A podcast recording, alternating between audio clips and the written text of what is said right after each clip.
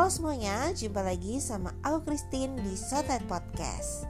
Oke, bertepatan hari ini tanggal 10 November Aku mau ngucapin selamat hari pahlawan nih Buat teman-teman semuanya. Buat para pahlawan yang udah gugur Kita ucapkan terima kasih banget Karena udah memberikan kemerdekaan. Jadi kita bisa hidup dengan lebih tenang, lebih bahagia kayak gini. Semoga bisa hidup dengan kekal dengan Tuhan di alam yang berbeda dengan kehidupan yang tenang tentunya. Dan untuk teman-teman yang masih berjuang, para pahlawan masa kini, jangan lupa jangan pernah menyerah. Semoga semua usaha kita di berbagai bidang bisa sama-sama berhasil membawa negara kita jadi lebih baik. Kayak gitu teman-teman. Nah, berkaitan sama pahlawan juga, aku mau sharing tentang PM ini, Palang Merah Indonesia, di mana tentunya pendonor darah itu adalah salah satu orang, salah satu pahlawan juga nih di masa kini. Karena aku juga kayak waktu itu di PMI sempat lihat tuh dari para pendonor-pendonor, uh, maaf penerima donor, uh, penerima donor darah tuh biasanya yang rutin tuh orang yang thalassemia kayak gitu. Mereka ngucapin terima kasih luar biasa teman-teman yang udah rutin gitu karena setetes darah dari kita, dari orang yang sehat-sehat aja itu sangat bermanfaat buat mereka yang memang sangat membutuhkan darah. Kayak ibaratnya setetes darah sama dengan satu atau setetes harapan juga buat mereka untuk bisa melangsungkan hidupnya lagi. Kayak gitu teman-teman.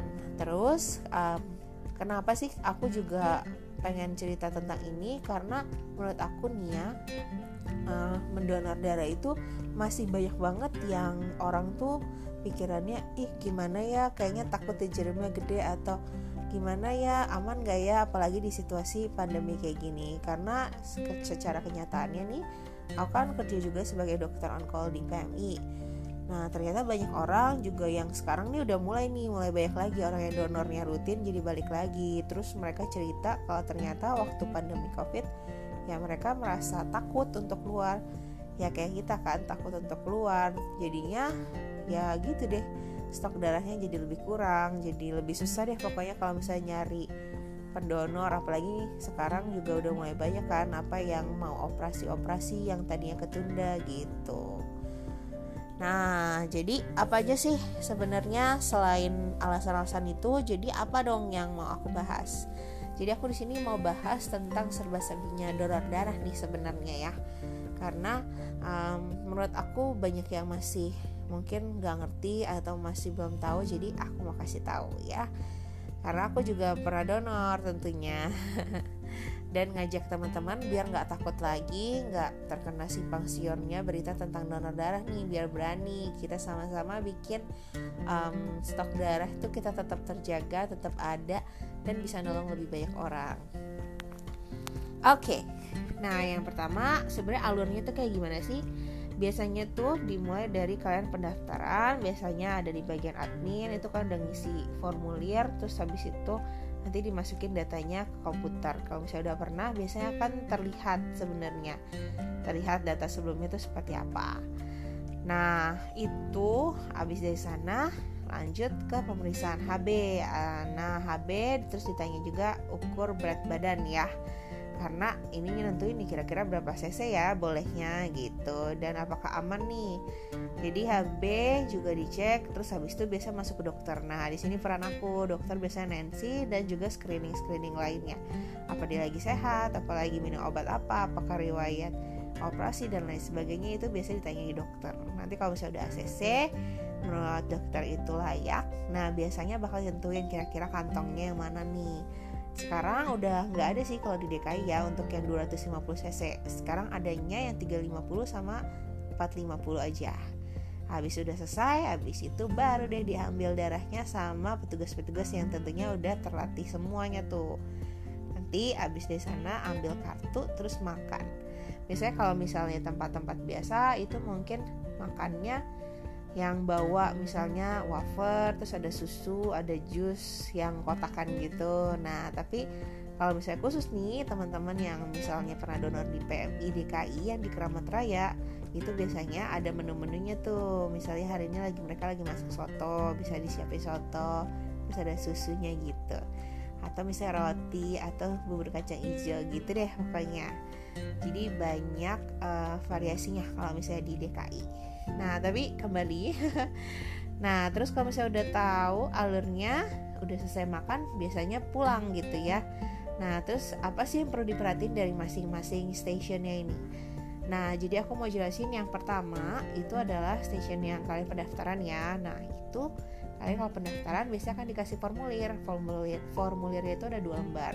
Kalau di DKI biasanya yang warna pink sama putih. Pink itu kalian bagian depan biasanya suruh isi data diri itu ntar dokternya sama perawatnya biasa coret-coret sana gitu kan untuk nentuin layak atau enggak. Tapi bagian belakang itu bagian kalian yang isi. Ada list pertanyaan yang banyak banget.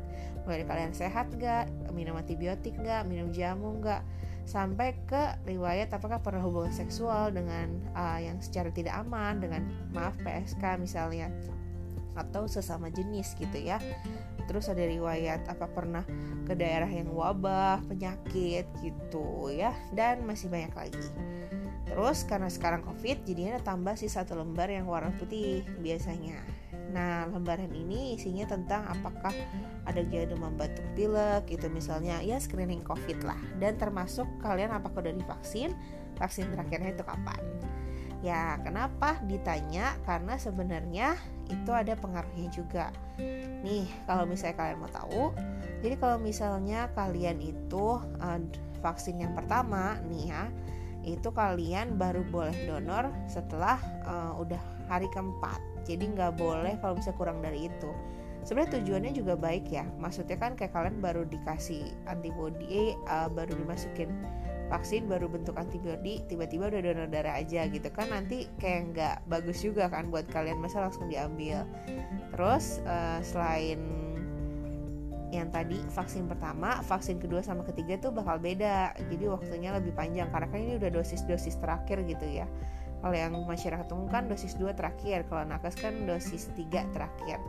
Nah, ini hari ke-10, eh maaf, hari ke-8 kita baru boleh untuk donorin darah. Kayak gitu teman-teman. Dua dan ketiga itu sama. Gitu sebenarnya alasannya kurang lebih gitu. Ya jadi kayak maksudnya kan baru divaksin baru bentuk antibody ya udah donor darah aja. Itu kan kayak kasihan juga di kalian ya kan? Nah terus uh, berat badan uh, abis itu kan berat badan terus sama yang uh, eh, HB ya teman-teman. Nah di sini itu kalian HB minimal 12 setengah nah itu cewek cowok sih disamain sih sebenarnya. Uh, setengah sampai 17 kenapa sih kita nggak mau ngambil yang kurang gitu yang kurang dari 12 setengah? Karena itu udah kayak di pedomannya. Terus itu batas amannya. Kalau misalnya kalian HB terlalu rendah diambil lagi kan HB kalian bisa aja nanti turun lagi gitu kan. Namanya orang kehilangan darah pasti HB-nya bisa turun.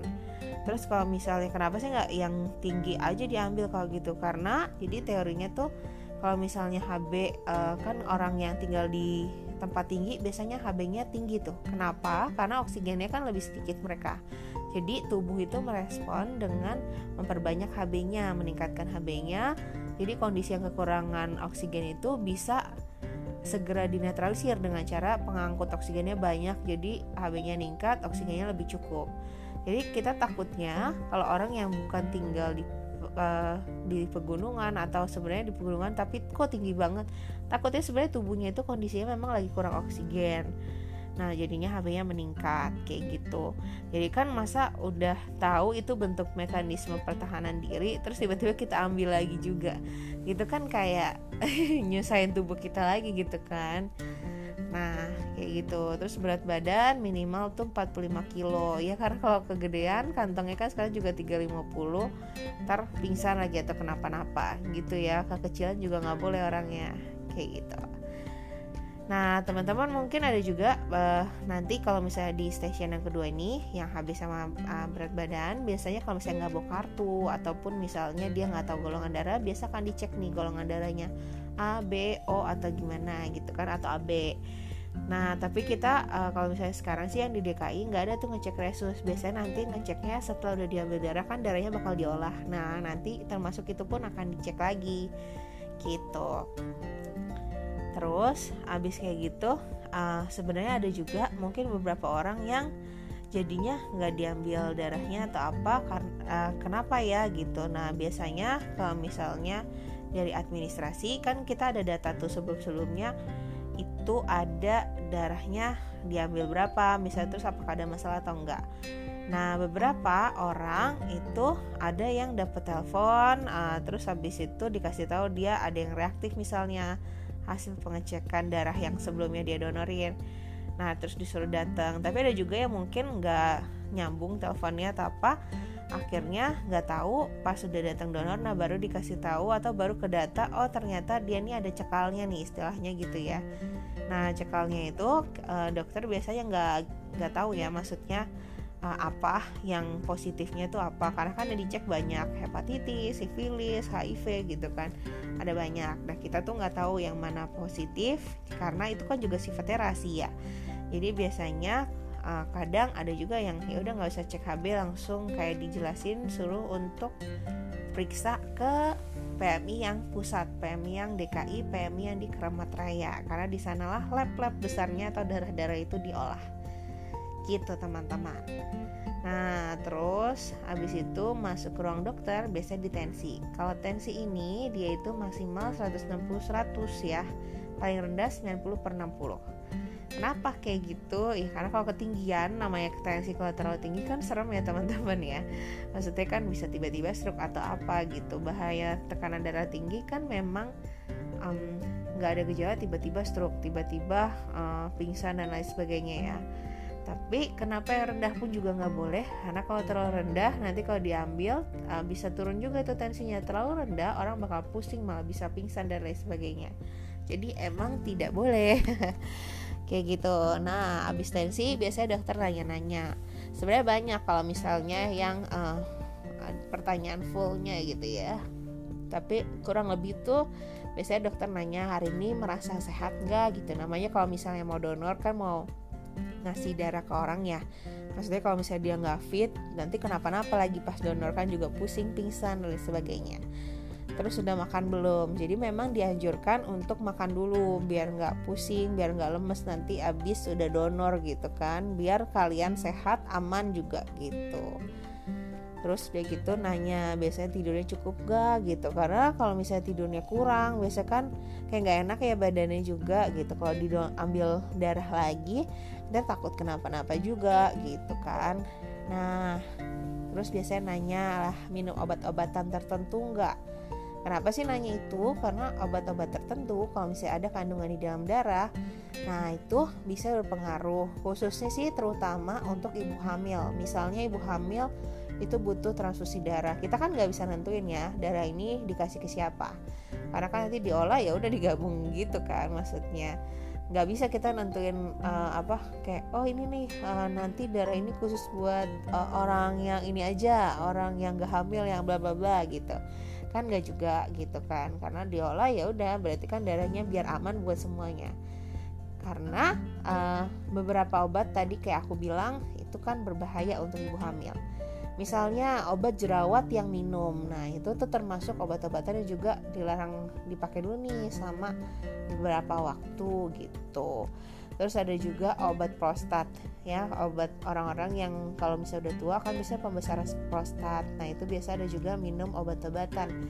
Nah, itu juga dilarang karena berbahaya buat ibu hamil gitu. Jadi sebenarnya tujuannya kenapa sih ditanya obat-obatan dan harus jawab jujur? Ya karena itu.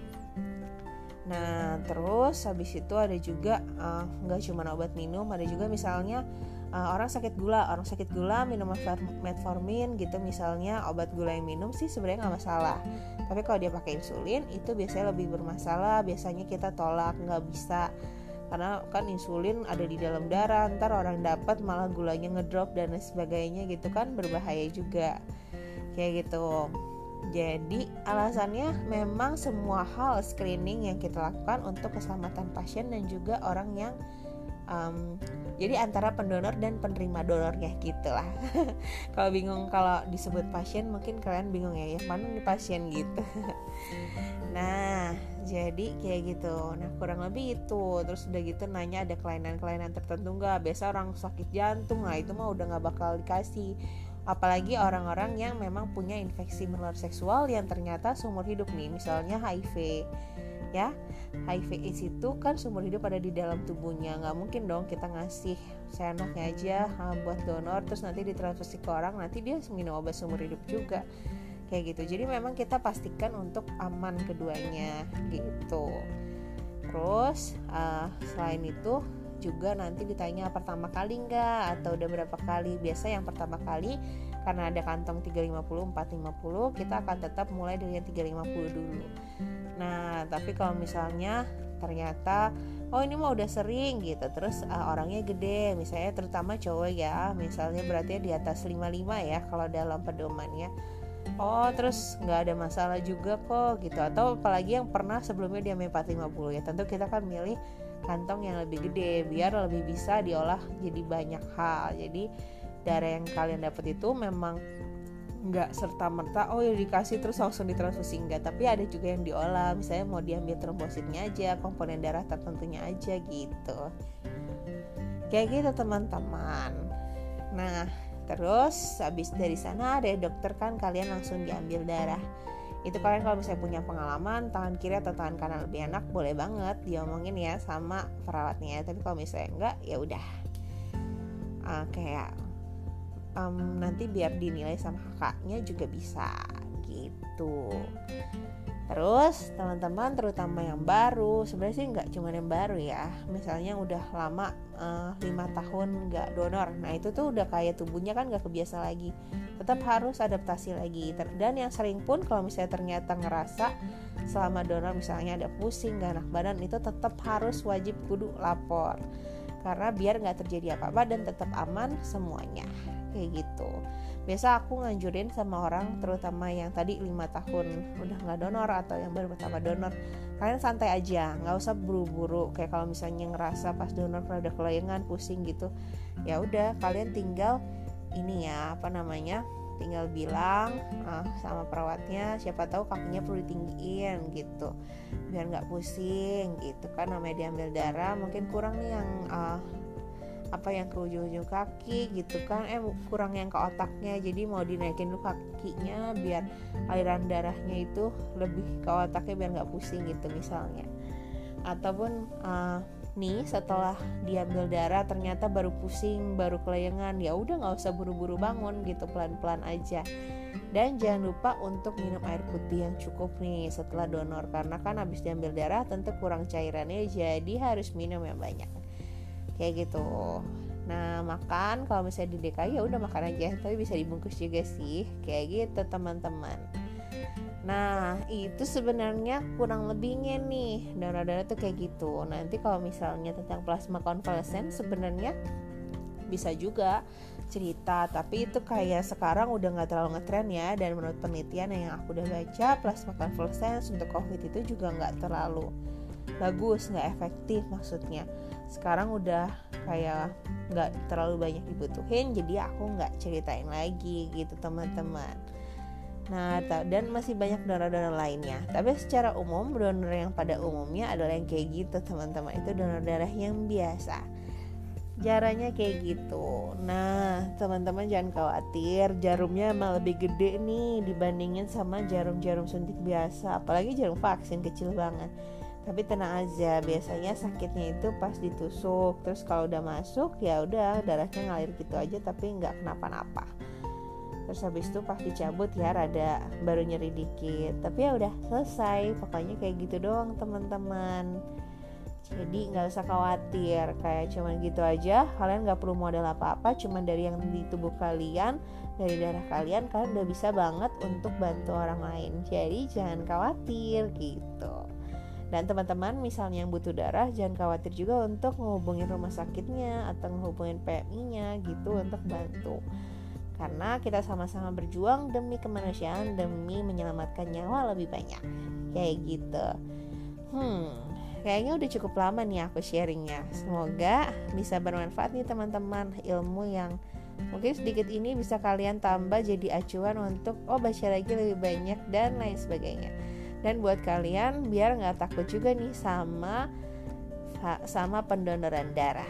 Ya biasanya kok ada yang pingsan ada yang apa biasanya mungkin ini apa namanya orang-orang um, kayak yang nggak biasa atau yang mungkin punya bakat pingsan itu ya kayak gitu. Makanya kayak aku bilang santai aja nggak usah buru-buru nanti juga aman-aman aja.